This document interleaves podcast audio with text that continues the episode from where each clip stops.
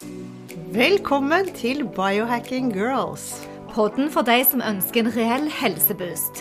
Vi holder oss oppdaterte på siste nytt innen helseforskning og tester ulike dietter, fitnesstrender og mentale teknikker. Ja, bli med oss på en spennende reise der målet er å lære hvordan din kropp kan heales, hvordan du kan aldres i revers, og hvordan intuisjonen din kan styrkes, sånn at du tør å stole på egne helsevalg. Salt er vel ikke like kontroversielt å snakke om som sukker, men det er ikke så langt unna. Salt finnes naturlig i naturen. Det er det vanligste krydderet vi bruker i mat. I tillegg til at det setter smak, blir det også brukt til konservering av mat. Holdbarheten blir lenger. Saltet hjelper til med å stoppe bakteriefremvekst i mat. Likevel, gjennom de siste tiårene har salt fått et veldig dårlig rykte. Salt er blitt koblet til høyt blodtrykk, hjerte-karsykdommer og til og med kreft i maven. Dette vokste jeg veldig opp med. Ja, redslene, det, det gjorde jeg òg. Og her snakker vi om for mye salt i kosten. Og da gjerne gjennom en diett bestående av for mye prosessert, ferdig mat. Ja, og så er jo akkurat ikke kvaliteten på salt særlig god i den ferdige maten. Salt er den viktigste kilden vi har til sodium, og sodium er viktig for mange av kroppens funksjoner, som væskebalanse, opptak av næring og muskelfunksjonen vår. På norsk så heter det natrium, og gjennomsnittlig inntaket på salt i Norge er anslått til om ja, rundt 10 gram salt per dag hos menn, og noe lavere hos kvinner. Og det tilsvarer ca. 10 gram, tilsvarer ca. 1 teskje toppet teskje med salt. Men vi som følger et ketogent kosthold, må faktisk passe på å få i oss nok salt, altså helt motsatt. Fordi for lite salt kan nemlig føre til lavt blodtrykk og dehydrering, og lave sodiumverdier, og forhøyet kolesterol og triglyserider. Ja, jeg må bare fortelle historien om mitt møte med dette fantastiske saltet. Ja. Da, jeg, da, jeg, var på Whole Foods på Hawaii for veldig mange år siden og skulle kjøpe salt. Vi hadde leid en leilighet, og den var tom for alt. Så sto jeg foran da denne saltdisken, eller hva du krydderhyllen, og var jo helt i stuss på hva jeg skulle velge. Men som amerikanere flest så spør de om de kan hjelpe meg med noe. Og da spurte jeg ja, hvilket uh, What kind of salt should I buy? Og da fikk jeg klar beskjed. You have to buy the Redman Real Salt. It's the best. Og det gjorde jeg. Og siden den gang har Real Salt vært en del av mitt kosthold. Men hva med deg, Monica? Hvordan, hva slags forhold har du til kost? Ja, du er like Nei, kost, salt. salt. Du er like flink, ja, salt i kosten, til å selge inn til amerikaner, for det har du solgt den til meg. Og jeg har vel vært hekta og brukt det kontinuerlig siden. Og vi driver jo med eh, periodisk faste, og da er salttilførsel veldig viktig, sånn at du klarer deg. Og jeg husker en, gang vi hadde utendørs trampolineklasse, og jeg var litt sånn inn i 16 timer, eh, timers fasten min da. Pleier jo å faste sånn 14-16 timer. Så kom du med en liten sånn saltkar og ga meg, og det hjelper. Så helt intuitivt har jeg alltid kjøpt uprosessert salt. Og jeg var jo på sånn backpackingtur på Ibiza, Ibiza for noen år siden og var innom denne fantastiske butikken som heter Sal de Ibiza. Mm. Det, der har de masse kule varer. Altså masse forskjellige varianter av salt. Så ingenting for meg er som en god biff med grove saltflak på. Altså Jeg tipper at jeg får i meg mer enn anbefalt dose daglig. Hva med deg? Ja, det skulle ikke forundre meg Nei, jeg tror ikke det. Jeg tror, jeg tror kroppen sier fra. Den, når du har fått nok salt, så sier det ganske fort stopp, egentlig. Ja. Det er mer andre veien. Ja. Men i dag skal vi jo snakke om salt, og vi er så heldige at vi har selveste Mr. Redmond Real Salt på tråden. Daryl Bossart vokste opp og jobbet i familiens mineralbusiness i Redmond, og dette ligger i Utah. Han har en bachelor i science fra Southern Utah University og en MBA fra Western Governance University. Og vi er så spente. Daryl har en skikkelig iboende passion for en sunn livsstil, for sunne matvalg og en livslang læring. Vi har bare hørt han dele på andres talkshow, men vi kan nesten ikke unngå å bli begeistret. Og vi gleder oss og skal forsøke så godt vi kan å visualisere denne saltreisen nå sammen med Daryl. Velkommen til Biohacking Girls podcast. Welcome, Daryl. Finally, we got to meet you. It's so nice to connect with you. please tell us where are you right now? So I am in a little town called Heber City, which is in Utah, and it's about an hour, an hour kind of southeast of Salt Lake City. Most people are aware of, of Salt Lake or they've heard of the ski resorts in Utah. And I'm near Park City, which is where the Olympics were, and I'm just a little further away from Salt Lake City. And what is, is it like there now? Is it full winter? Yep, there's snow on the ground. Uh, I live, the town that I live in is um, just over 5,000 feet. So it's kind of up in the mountains. And in the evenings, it's about 20 degrees Fahrenheit. And then in the daytime, it would be between maybe 20 to 40 degrees Fahrenheit, depending on the day. So mm, nice. Almost like here then. Yeah. Yeah. and I know it's early for you, but how has your, your morning been? It's been great. Yeah. Cool. Yeah, we were going to talk about salt today.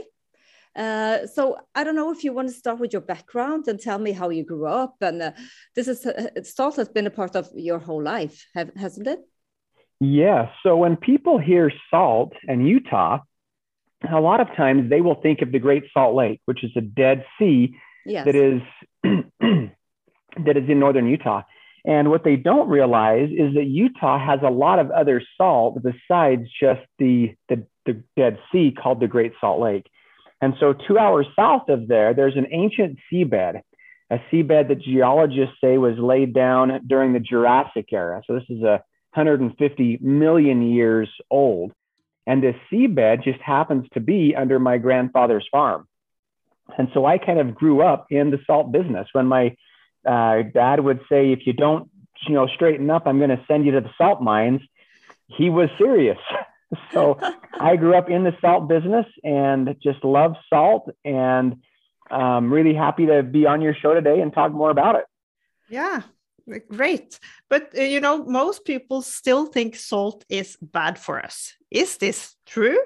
Should we try to eliminate uh, the sodium from our diet?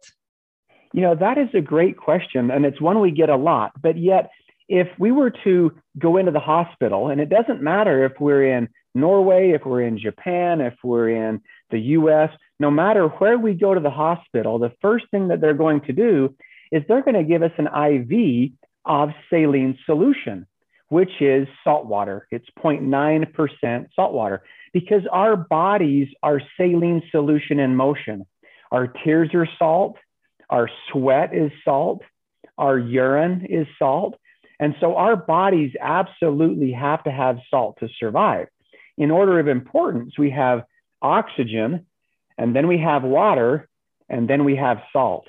And it's only been in the last, you know, 100 years or so where salt was seen as something bad. There was this study done in the early 1900s that showed that copious, super high amounts of salt and low water caused problems, and it does.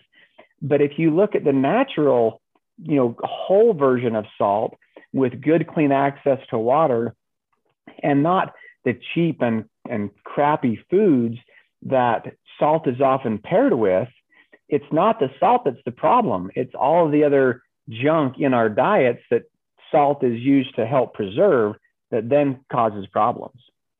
So how can we clean up this misunderstanding? Because uh, I mean, yeah, just talking about sea salt being better than table salt, how can we clean up and help people understand the value of it? Well, I think just like you ladies are doing in your podcast here, you know, unfortunately, salt there there's there's a few processes that happen to salt that are part of the problem. And the first is, you know, if we went back 100 years ago and went out to any of the big bodies of salt water, here in the US, it would be like the Gulf of Mexico or the San Francisco Bay, or if you were in Japan, the Sea of Japan. Unfortunately, these bodies of salt water aren't as clean as they were hundreds or thousands of years ago. We, we humans have not been the best stewards of this planet that we live on with things like the Exxon Valdez and the BP oil spill and the cruise ships and the microbeads and the plastics and the radiation and the acid and the sewage and the sludge. You know, unfortunately, our oceans aren't as clean as they once were. And so mm-hmm. that can be a factor. And we have big bodies of plastic floating in the ocean and they'll look at in, in fish, they'll find these microbeads that the fish have eaten because of all this stuff that we've added to the ocean. So when salt water comes off the ocean, if we were to harvest it, seawater in nature occurs as a complex chloride. It has it has sodium chloride, but it also has potassium chloride, magnesium chloride, potassium chloride, iodine, zinc. There's all these minerals that occur in seawater. And manufacturers can actually take some of those other complex chlorides, they can remove those. So if you go over the San Francisco Bay and you look down across the pond, they will have a series of ponds, and this would be the same in Brittany, France. And you can put a liner in that pond and leach off the potassium chloride, then leach off the magnesium chloride and the calcium chloride. And then you can sell the leftover as salt, which it is, but it's not the way nature created it. It would be like taking an orange and pulling out all the vitamin C and the ascorbic acid and then selling the orange as an orange. And so that's one problem is the nature of salt has changed and our bodies need these other complex chlorides to help offset the sodium. And so potassium helps offset sodium and magnesium and calcium, these other electrolytes. So that's the first problem is salt has changed. The second problem is that salt's job in the body is to help regulate moisture. We have the sodium potassium pump that will help regulate the intercellular and extracellular fluids. And this is why salt impacts the body's ability to retain and interact with moisture. Well, salt, because it is hygroscopic, hygroscopic means absorbs water out of the air. So if you put a, a salt crystal like this one on your kitchen counter, the salt will actually absorb moisture like a dehumidifier, and the salt crystal will get wet. The challenge with that is then salt tends to clump and get sticky because now the salt's wet. And so, you know, 60, 70, uh, maybe 100 years ago now, salt companies said, what can we add or what can we coat that salt crystal with to stop the salt's ability to interact with moisture? Because if we can stop the salt's ability to, to interact with moisture, the salt won't get clumped, it won't stick in the shaker. And so they came up with a whole list of chemicals that were approved by bodies like the Food and Drug Administration across the world that said these are chemicals that are quote unquote safe in small amounts to coat salt with to stop its ability to interact with moisture. The problem with that is salt's job is to interact with moisture. And so we take this salt crystal that is supposed to help give us life, and then we coat that crystal with something like sodium ferrous cyanide or calcium aluminum silicate, which is chemicals similar to the chemicals in antiperspirant that stops the body interacting with moisture and it stops salt's ability to interact with moisture. And so if you take this, this, nat- this natural product that gives us life, something as essential as salt that we get in IVs in every hospital, we process it and pull out the other important nutrients that happen with that salt crystal that's been there since the dawn of time. And then we take that crystal and we coat it with a chemical to stop its ability to interact with moisture. And then we take that processed chemical and we put it on de just devalued food. You know, we take this, you know, white refined flours and sugars and chemicals, and we add processed salt to it to make it last longer. And then we wonder why we don't feel good but it's not the salt and it's not the good natural versions of food. But if you take something that's clean and then you process it heavily with a chemical to make it last longer than it should, that has been processed. That's why salt has a bad name, whereas oh. salt itself gives us life. And uh, it has a bad name and it has many different names. So, what are the difference in sea salt and other salts like pink and red and you know black salts? You know, we live at a beautiful time because we're able to access food and nutrients from around the world. I mean, to be able to, to live somewhere cold in Alaska and be able to get great citrus or goji berries, the global economy has done a lot. And I, in salt, it's beautiful as well. Now, I'm a little biased mm. because I think the, the Redmond real salt that we have in Utah is right near the top, if not the best salt in the world. However, there's other good salts out there. So when we talk about salt in food, we're talking about sodium and chloride based salt. In chemistry, a salt is an acid and a base that are bound together in a one to one bond. So you have a magnesium chloride is in fact salt, or um, uh, magnesium sulfate uh, is also salt. When I talk about salt, I'm talking about sodium and chloride based salt. And that salt comes from a seabed, it comes from the ocean. And so it could be a current ocean, like you know the Mediterranean, the Britain, coast of Brittany, France. It could be from a dead sea, an ocean that's been cut off, like the Dead Sea in Israel, or the Dead Sea here in Utah, called the Great Salt Lake. Or it could be an ancient seabed, a seabed that was trapped deep within the earth eons ago and has been uh, protected and pushed up.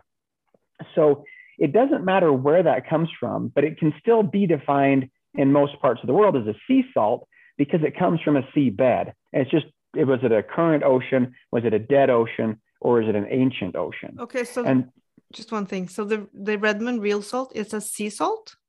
It comes from an ancient seabed. Uh-huh.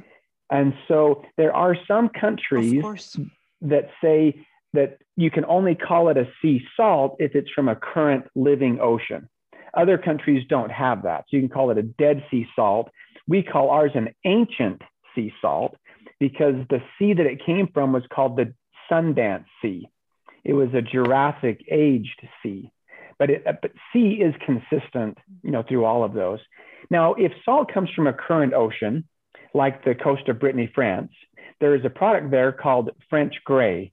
It's got a light gray color to it. And the way they produce that is they line a pond with gray clay, and clay stops water from seeping into the earth.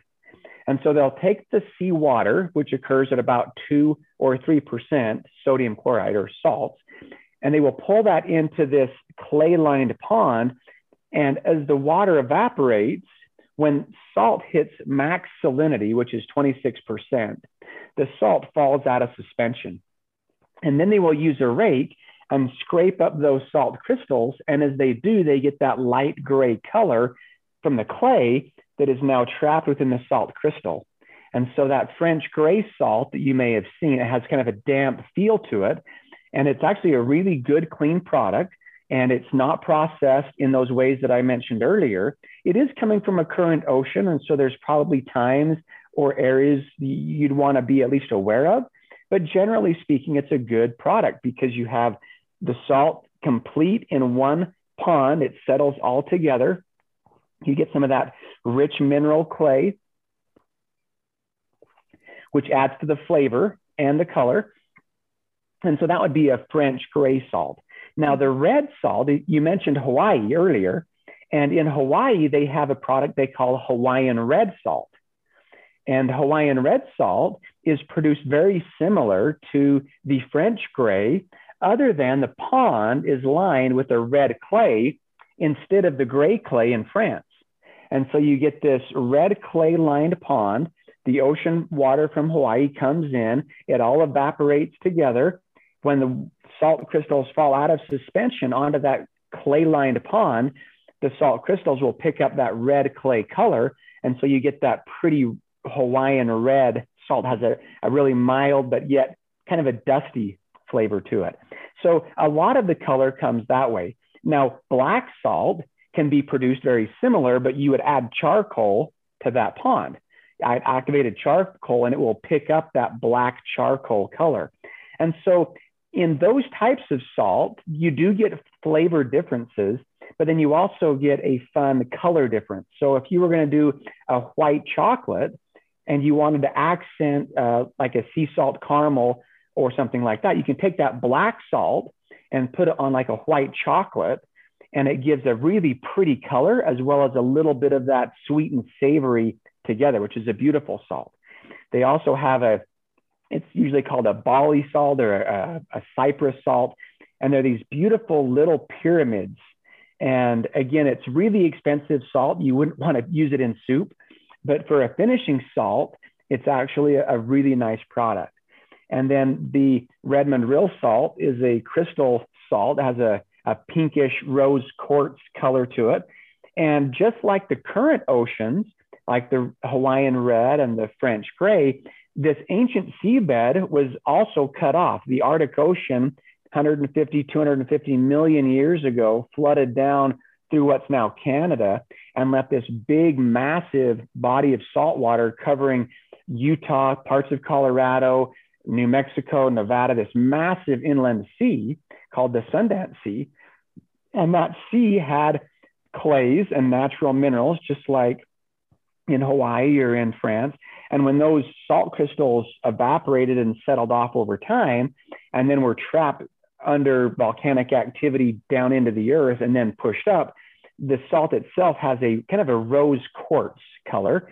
And those other minerals and clays trapped within the salt crystal give the real salt that sweet, smooth flavor versus that, that sharp flavor that you would get out of a, out of a processed salt.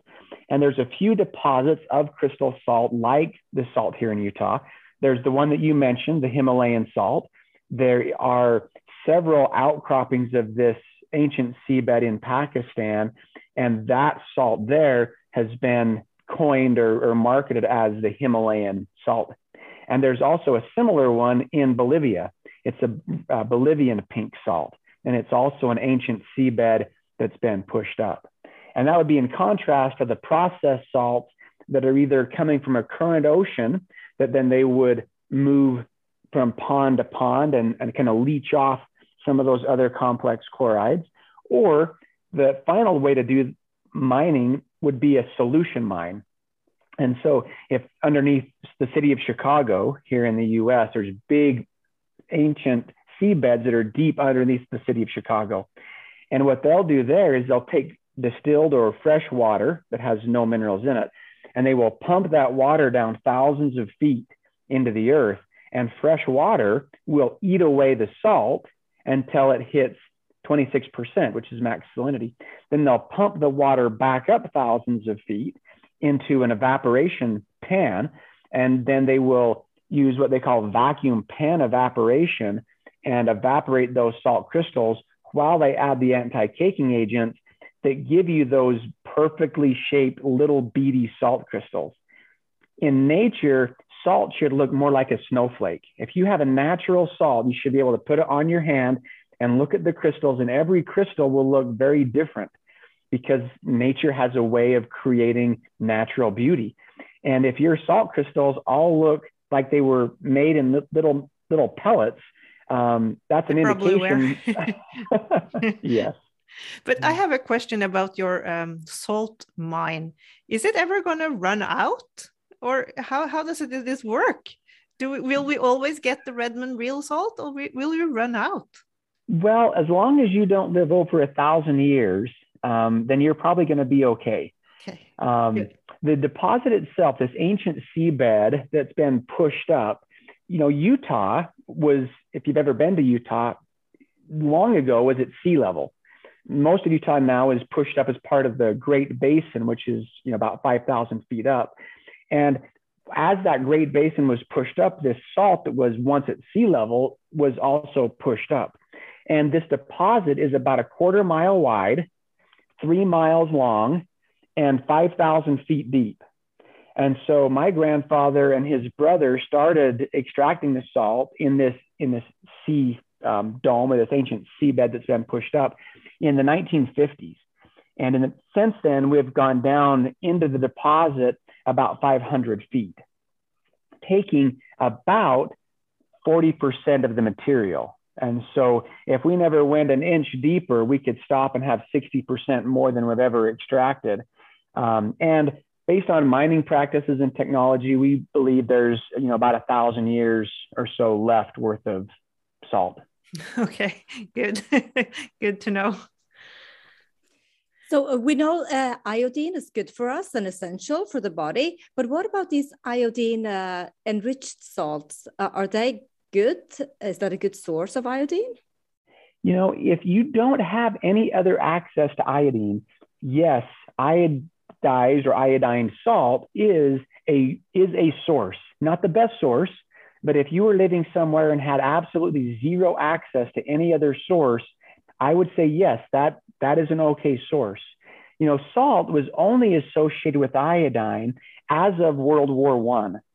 So in the U.S. in World War One, the draft starts, and when the draft starts for World War One, they noticed that a lot of these men that were getting drafted had a big goiter problem. It's a it's a thyroid issue because of iodine deficiency. And so the world experts got together, and this probably happened in other countries too. I only know the US story, but in the US, the FDA and the military got together and said, We have got to solve this nutrition problem.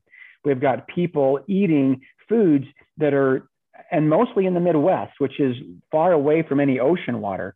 So they were eating processed flour, white sugars out of cans, and not getting much seafood, which is naturally rich in iodine. And so they said, what can we do to force people to eat more iodine? Like some municipalities across the world will add fluoride to the water to force people to eat or to drink more fluoride. Mm-hmm. And that similar process happened with iodine.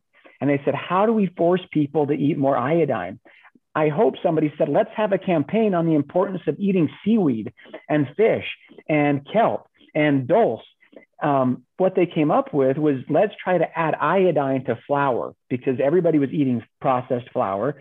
And if they could add iodine to flour, then they would force people to eat more iodine. Well, you can't add iodine to flour. It doesn't, it's not stable. It doesn't work that way. You can't add it to water. It doesn't work that way. It actually turns your water purple or red and it tastes not so good. And so they said, let's, let's add it to salt because people have to eat salt and if we add iodine to salt, we will force people, because they have to eat salt to live, therefore they will eat more iodine. And so they found a shelf stable form of iodine called potassium iodide. They added it to salt crystals. They have to add some additional additives when they do add that because it starts to, to mess with the shelf life and, and things with the salt. And then at the FDA level, they told salt companies if you do not add iodine to your salt product, even if your salt has natural iodine in it, because if it comes from the ocean and it hasn't been processed, there will be natural iodine in salt. Regardless, you still have to add additional iodine, or you have to put a warning that says this salt does not supply iodine, a necessary nutrient. And so that from then forward, that's where we started to associate iodine and salt. Now, iodine is still very essential for life. It's important for not only the thyroid, but reproductive health, hormone health, weight. I mean, there are so many important functions that iodine plays into. But salt is a very poor source of iodine when it's been added. In fact, research has shown that the iodine that's added to iodized salt becomes less than 10% bioavailable. So that's why I said at the start of the podcast or the start of this section, if you have zero access to seafood, zero access to iodine rich foods, yes, iodized salt is better than no iodine at all. But if you have any access to, you know, sourcing good, clean seaweed, I mean, seaweed like dulse and kelp, those are probably the, nat- the highest natural sources of iodine. And then fish is another good source of natural iodine. And so I encourage people to go out of their way to find natural sources of iodine. If for whatever reason you can't do that, I encourage people to find a good iodine supplement because an iodine supplement from a from a natural source is going to be way better again than than processed. And I'd say the same thing about vitamin C. We know that vitamin C is essential. It's really important for us to fight off scurvy and, and immune system. And I think, you know, oranges and citrus are great sources of the full vitamin C complex. And so that would be my go-to. Like if you can find ways to add natural vitamin C through rose hips and through raspberry leaf tea and through, you know, citrus fruits, that's so much better than buying an ascorbic acid tablet that's not going to be as bioavailable. But if all you have, if, if for whatever reason you're living in a mm-hmm. place where the only vitamin C you can get is an ascorbic acid tablet, yeah, you probably should take it. It's um, better than it's better than not uh, eating uh, anything. better than scurvy. yes, yes, of course. But if we jump to today's uh, lifestyle situation and a lot of diseases, what do you think is the biggest challenge in order to live a healthy life? Uh, I don't know what healthy means anymore because I mean we have so different uh, opinions about it with uh, vegetable oils, sugar, yeah, salt. Like like we talk about salt. What do you think is the biggest issue right now? Boy, that's that's hard, um, and it's loaded because there's so many people who are very passionate. You know, you have the keto folks, and and so my approach is a little more nuanced, and I say, you know, you know, our bodies are smart, um, and uh, my body and my genetics and my DNA and my family history is probably quite a bit different, or at least a little bit different than either of yours. Now, I do have actually family that have come through Norway. Um, and so I do have some connections there. Yep, my uh, my mom was uh, Norwegian and Danish, uh, her side, uh, before they came to the U.S., and my dad was Switzerland German, and so those are kind of my two ancestral roots. But each of our bodies are very different, and so if we can live intentionally and listen to our bodies talk, animals are really smart.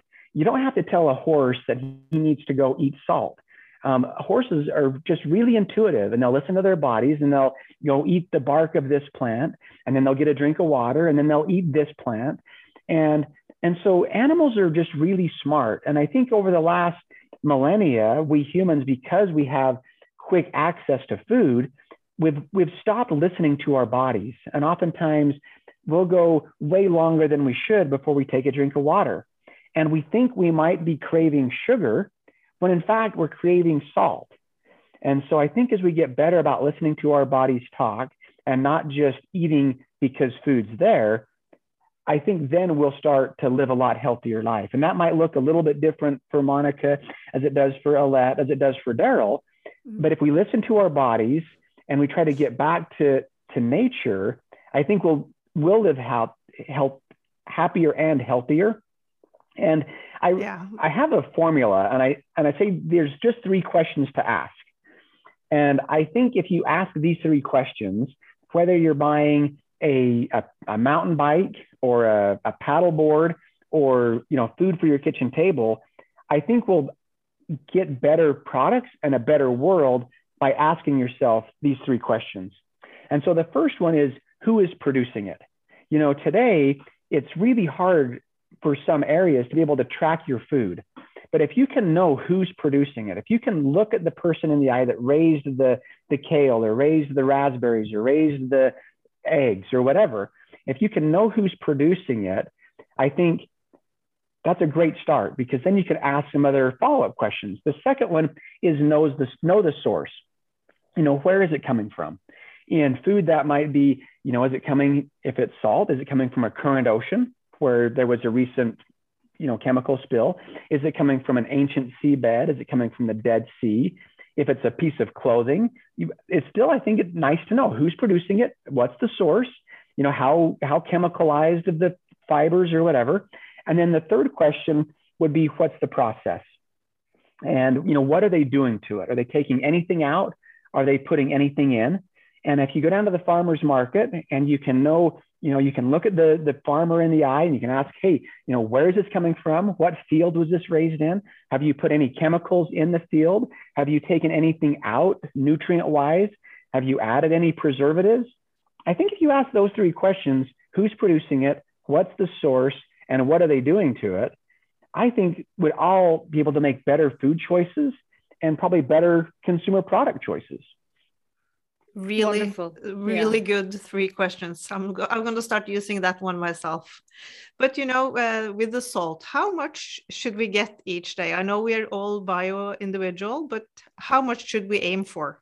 Just until we feel satisfied? In grams for instance yeah. Yeah so the in in the us the food and drug administration say 2300 milligrams is the daily recommended allowance however there's actually studies by the American Journal of Medicine and the American Journal of Clinical Nutrition, and I can send you links to those that you could put as a link on the podcast that show that consuming less than that amount actually has negative cardiovascular impacts.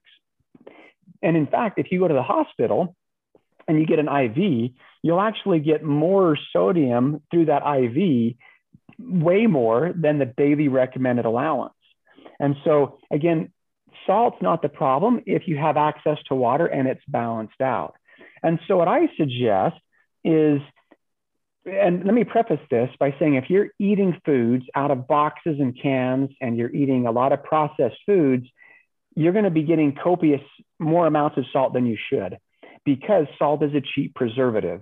And the salt that they're putting on there is a processed cheap salt. And so you're getting not only bad food, you're getting all these preservatives and you're getting high amounts of salt. Once you change your diet and you're starting to eat more natural and you're eating natural foods, you do have to go out of your way to add good salt to your diet. And so, what I suggest when you do that is that you go uh, start by adding salt to your food so it tastes good. Um, salt's actually really important, important for digestion. Somebody that goes on a low salt diet, their digestion will start to start to suffer because our bodies digest food with hydrochloric acid, which is HCl, which is hydrogen, and then you have chloric, so it's HCl, hydrochloric acid. We don't eat hydrochloric acid. Our bodies create it by taking hydrogen that they've split off from the water, and it also from the chlorine or the chloride that's attached to sodium and chloride. So the sodium goes to the sodium potassium pump, the chloride that's broken off becomes hydrochloric acid and, and works on a lot of different body functions. And so when our salt levels drop, our digestion goes as does a lot of other functions. So if you're eating a natural diet, salt your food liberally and then actually add salt to your water. If you're drinking half your body weight in ounces or in grams and you're drinking healthy amounts of water, no matter how much distilled water or, or even purified water that you drink, everything that comes out of you will be salt based. You don't cry distilled water, you cry salt water because our, our bodies are using salt daily to get rid of, of the chemicals in our body. So our tears are salt, our urine salt, our sweat is salt. And so by salting your food liberally, and then if you're really exercising and sweating a lot, adding more salt to your water to replace those lost electrolytes. Mm-hmm. And what's interesting is when we listen to our bodies, we can taste salt. Nobody has to tell you you're thirsty. Well, you, might get busy and forget to drink, but if your body's paying attention, as soon as you feel thirsty, that's your body's way of saying you already are dehydrated. Um, and if you stay up on your water, you might not feel thirsty. But when you listen to your body, you know you're thirsty. And as you get better about listening to your body, you can also tell when you're low on salt. In fact, I have a little dish of salt in my kitchen with these little coarse salt crystals. And I will, as I'm walking past, suck on a salt crystal. Or if I think I'm craving sugar, I will suck on a salt crystal. And that salt crystal initially will taste very sweet, almost like candy. And that tells me that my body is low on salt. By the time I take the third or fourth salt crystal and suck on it, it's going to taste increasingly salty. Just like that first glass of water tastes super refreshing after a run or after a hot yoga session. But by the time you take the sixth glass, your body's like, hey, I'm good. we had it. and and salt's the same hmm. way. So as we start listening to our body and we we recognize that that sugar craving is actually probably a fat or a salt craving, and we listen to our bodies and realize that that thirst craving is is for water. It's not for soda. It's not for you know a big purple fruity drink. Our bodies are are pretty smart, and so I say first listen to your body, drink good clean water, start adding salt back to your food, and then notice how the salt tastes. Because if it's good, clean, natural salt, your body isn't going to overdose on it unless you're lacing it with a bunch of processed foods. So we are super grateful for the rising uh, biohacking community across the world. I mean, we have uh, so much focus on uh, asking these questions. And uh, speaking of your company, do you have like uh, electrolytes, for instance? We have, I mean, so many of us are using electrolytes in order to get this amount of uh, salt and water together. Do you also recommend the electrolytes? Yes, um, for sure. When I was, but, but we have our own brand of electrolytes. It's called Re-Lyte before then, though, I would just make my own electrolyte drink. and just take a liter of good clean water. I use a quart here because you know we're in the the crazy system, not the metric system. But take a, a liter of good clean water, add a quarter teaspoon of natural salt, a squeeze of lemon, or a little bit of honey if you want some natural sweetener, and that is better than any of the sports drinks because uh, you're avoiding all the chemicals and the sugars and and all of the, the food coloring there. And, and that's a great way to uh, do it yourself is just a clean, a liter of water, a quarter teaspoon of salt, a little bit of lemon. Um, because that's not always super convenient, we do have our own electrolytes. And in the electrolytes that we sell called a Re-Lyte, we take the base of real salt, which has the sodium chloride and trace amounts of potassium, magnesium, etc. And then we actually add some additional potassium and magnesium to that to, to boost those other electrolytes as well. So when you're you're sweating, you're getting all of those. And then we add a little bit of a, a flavor. So so how much do you recommend people? Because um, many of our listeners and even people that comes to our keto courses, they we recommend them to use electrolytes like at least one yeah bottle a liter and you pour in that per day but what is your recommendation if you eat clean I think one per day is a great base um, for everybody. Um, kind of regardless of fitness level, adding that one, you know, good clean liter with one shot of electrolytes um, is a good base level because our bodies are always being constantly depleted of electrolytes. Now, I would say that's the base level. So I'm an avid mountain biker. I mountain bike in the summer, and then I do, use a fat bike here on the snow in the winter. And so anytime I'm doing that, I actually will add an additional one for every hour to an hour and a half of activity. Um, because when I'm out there riding, I am just, you know, I'm just drenched in sweat. And I come back and I've got a kind of a salt ring on my on my backpack from from just being so, you know, um, sweating so much. And so I would say one per day is a great place to start. But if you're doing a hot yoga session, I would say you need to add an additional to get rid of that. If you're doing a, a an event, or maybe you're just working, maybe you're a firefighter, or you're you know running track, or whatever it is, adding that really makes a big difference. And then listening to our bodies again. You know, our bodies will start to realize a craving for salt. And I think a lot of people will get a craving and they'll think, man, I am really craving, my body absolutely is craving potato chips. Well, it's probably not craving potato chips. It's probably craving salt and fat. Um, and there's probably a better way to do that. And I'm not against potato chips occasionally or a French fry. Um, but as you can listen to our bodies and we can recognize those cravings, I think starting as a, a base is really good. And then that'll give you a base to start to feel and to, to listen to your body's salt levels. And if you're getting leg cramps, if you're getting nauseous on a run, if you're getting irritable with your partner, um, all of those are indications, early signs of dehydration. And you can drink all the water in the world, but unless you add the electrolytes, you can still you know, have problems with hyponatremia. Let's also pick your brain about uh, fasting because we, of course, we do intermittent fast and sometimes we do longer periods of fast. How would do you have any recipes of a good fast? If you do 24 hours or 16 hours or 48 hours when it comes to things that yeah salts and uh, teas or whatever you do when you do your fast? Great question. And i and i think for the keto uh, audience it's really important to talk a little bit about this too because somebody early on to the to, to keto or and or to fasting will experience a keto flu um, or flu like symptoms. And in that first 24 hours, our bodies are being depleted from glycogen. And when the glycogen, which is the that those sugars in our body, um, one gram of glycogen will hold two to three grams of fluid or water. And so the reason that we're that that immediate weight loss that a lot of people will see in that first 24 hours, or when you cross that 24 hour level, is because of the glycogen is getting depleted from our bodies, which puts us into that keto state. And so when we go into that and our bodies are flushing all of this glycogen, for every gram of glycogen we're losing, now we're losing two to three grams of water.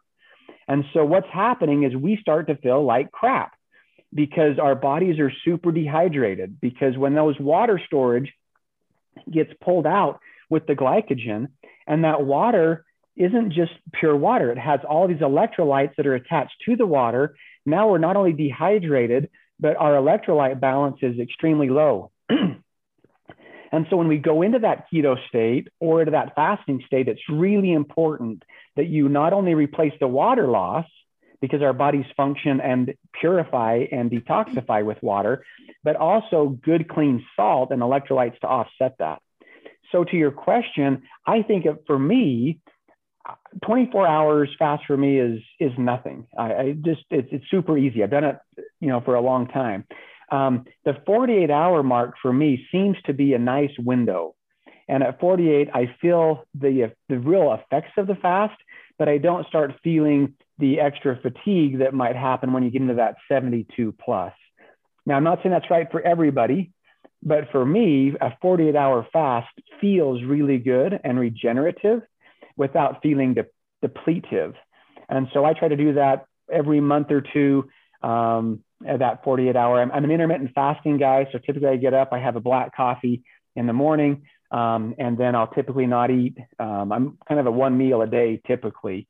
Um, and so I kind of get up and then I'll have kind of a meal slash post exercise between like four and eight o'clock at night. And then I'm, I'm off to bed again. Wow. So, so uh, when it comes to electrolytes, you would recommend more, of course, uh, more electrolytes during the fast too. Uh, drink even more. Correct, and and good clean water. I think yeah. you know water is the nutrient that's often overlooked. Yes. Um, and when of you're course. fasting, we have, and everybody's definition of fast is a little bit different. Um, here we also have a, a seasoning blend that will take the real salt and then we add some herbs and spices to it. It's just a seasoning blend, and that makes a great broth. Um, yes. And yes, there's a little nutrients because it has some celery seed and it has you know some coriander and some mm-hmm. paprika, but it's not nutritionally. It's not it's not substantive. And so by making a a broth with a little bit of of our flavored salt, um, just feels really really nice actually but uh, daryl this has been so nice so educational yes. for us where can uh, our listeners get your products and what's the easiest way to get in touch with you i'm sure you will get some some uh, customers from this well, I really appreciate you having me on your program today. It's been so fun. Uh, people think salt's boring, but I could sit and talk about salt for hours.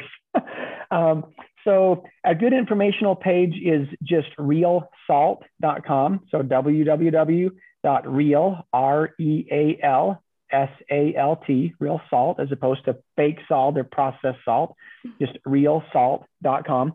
And then the parent company is Redmond. The little town that this salt's from is called Redmond, R-E-D-M-O-N-D dot life. So www.redmond.life. And then our products are available you know, a lot of health food stores across the U.S. And then there's other, you know, less so in the the global economy, but there are stores across the world that will carry it. Of course, you know, Amazon is a great place as well. And we actually have a shop in Norway that sells uh, the salt too, Aletta. Yes. Yeah, yes. we do actually. We so so we're gonna uh, put, put everything in the... the show notes, and uh, yeah, we will put yeah. all the. But Daryl, you also said because uh, we asked if you could gift away some of these small cute travel size. Um, so we will make a little competition here or have people, um, yeah, make a little comment on our podcast and maybe we can, yes, uh, we can uh, give them away. So sounds great. Uh, thank you so much for tuning in with us. Uh, we learned so much, and uh, hopefully one day we can come and visit you over there and see yes. how how you produce all the salt. the invitation is always open. If you ever find yourself this way, I'd love to have you. You know, Utah is known for its skiing. It's known for the Canyonlands in Moab and the Red Rocks. You know, it's a really pretty place to to visit. And if you find oh. yourself out this way, I'd love to give you a little tour yeah. of the salt mine. Oh, Thank I actually so felt much. I was on a little journey already. yeah, I know. But we will Thank definitely you. continue to use the real salt, Monica. This is yes. just amazing. yes, Thank you so much. Thank you. Talk to you soon. Bye. Bye. Bye. Ja, Lette, dette her var jo utrolig spennende. Eh, mange salttyper å ta fatt på. Eh, mm -hmm. Fargerikt. Og det å putte litt sort salt oppi sjokoladen. Det kunne vært spennende. Ja. Hva, hva var dine uh, tanker rundt det Daryl har fortalt nå? Eh, tankene mine er jo at jeg, jeg, kommer til å fortsette med Bredman Real Salt. Det, det, er min favoritt, og jeg elsker den lyse rosa fargen. Jeg putter det på alt. Vi, vi er virkelig storforbrukere i mm. min familie av dette. og Nei, jeg tror vi bare skal fortsette med det, så lenge man ikke som man snakket om veldig tydelig med dette med prosessert mat. Det er jo noe å bite seg merke i at da får man jo altfor mye salt, og gjerne av ikke så god kvalitet. Så det må man være litt oppmerksom på.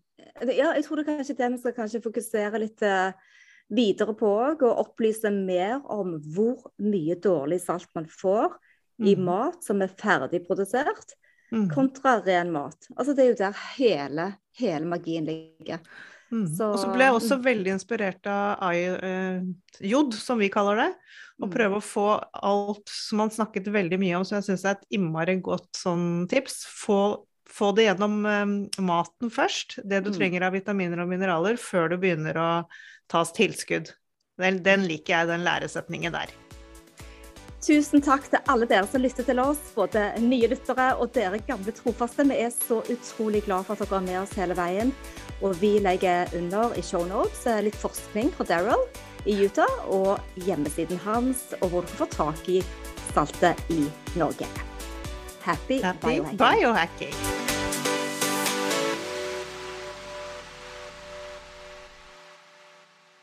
Vi minner om at dere må snakke med egen lege eller kostholdsveileder om dietter og andre spørsmål relatert til medisiner og supplementer. Informasjon vi deler, kan ikke bli brukt til å diagnostisere, behandle, forebygge eller kurere noen sykdommer eller tilstander.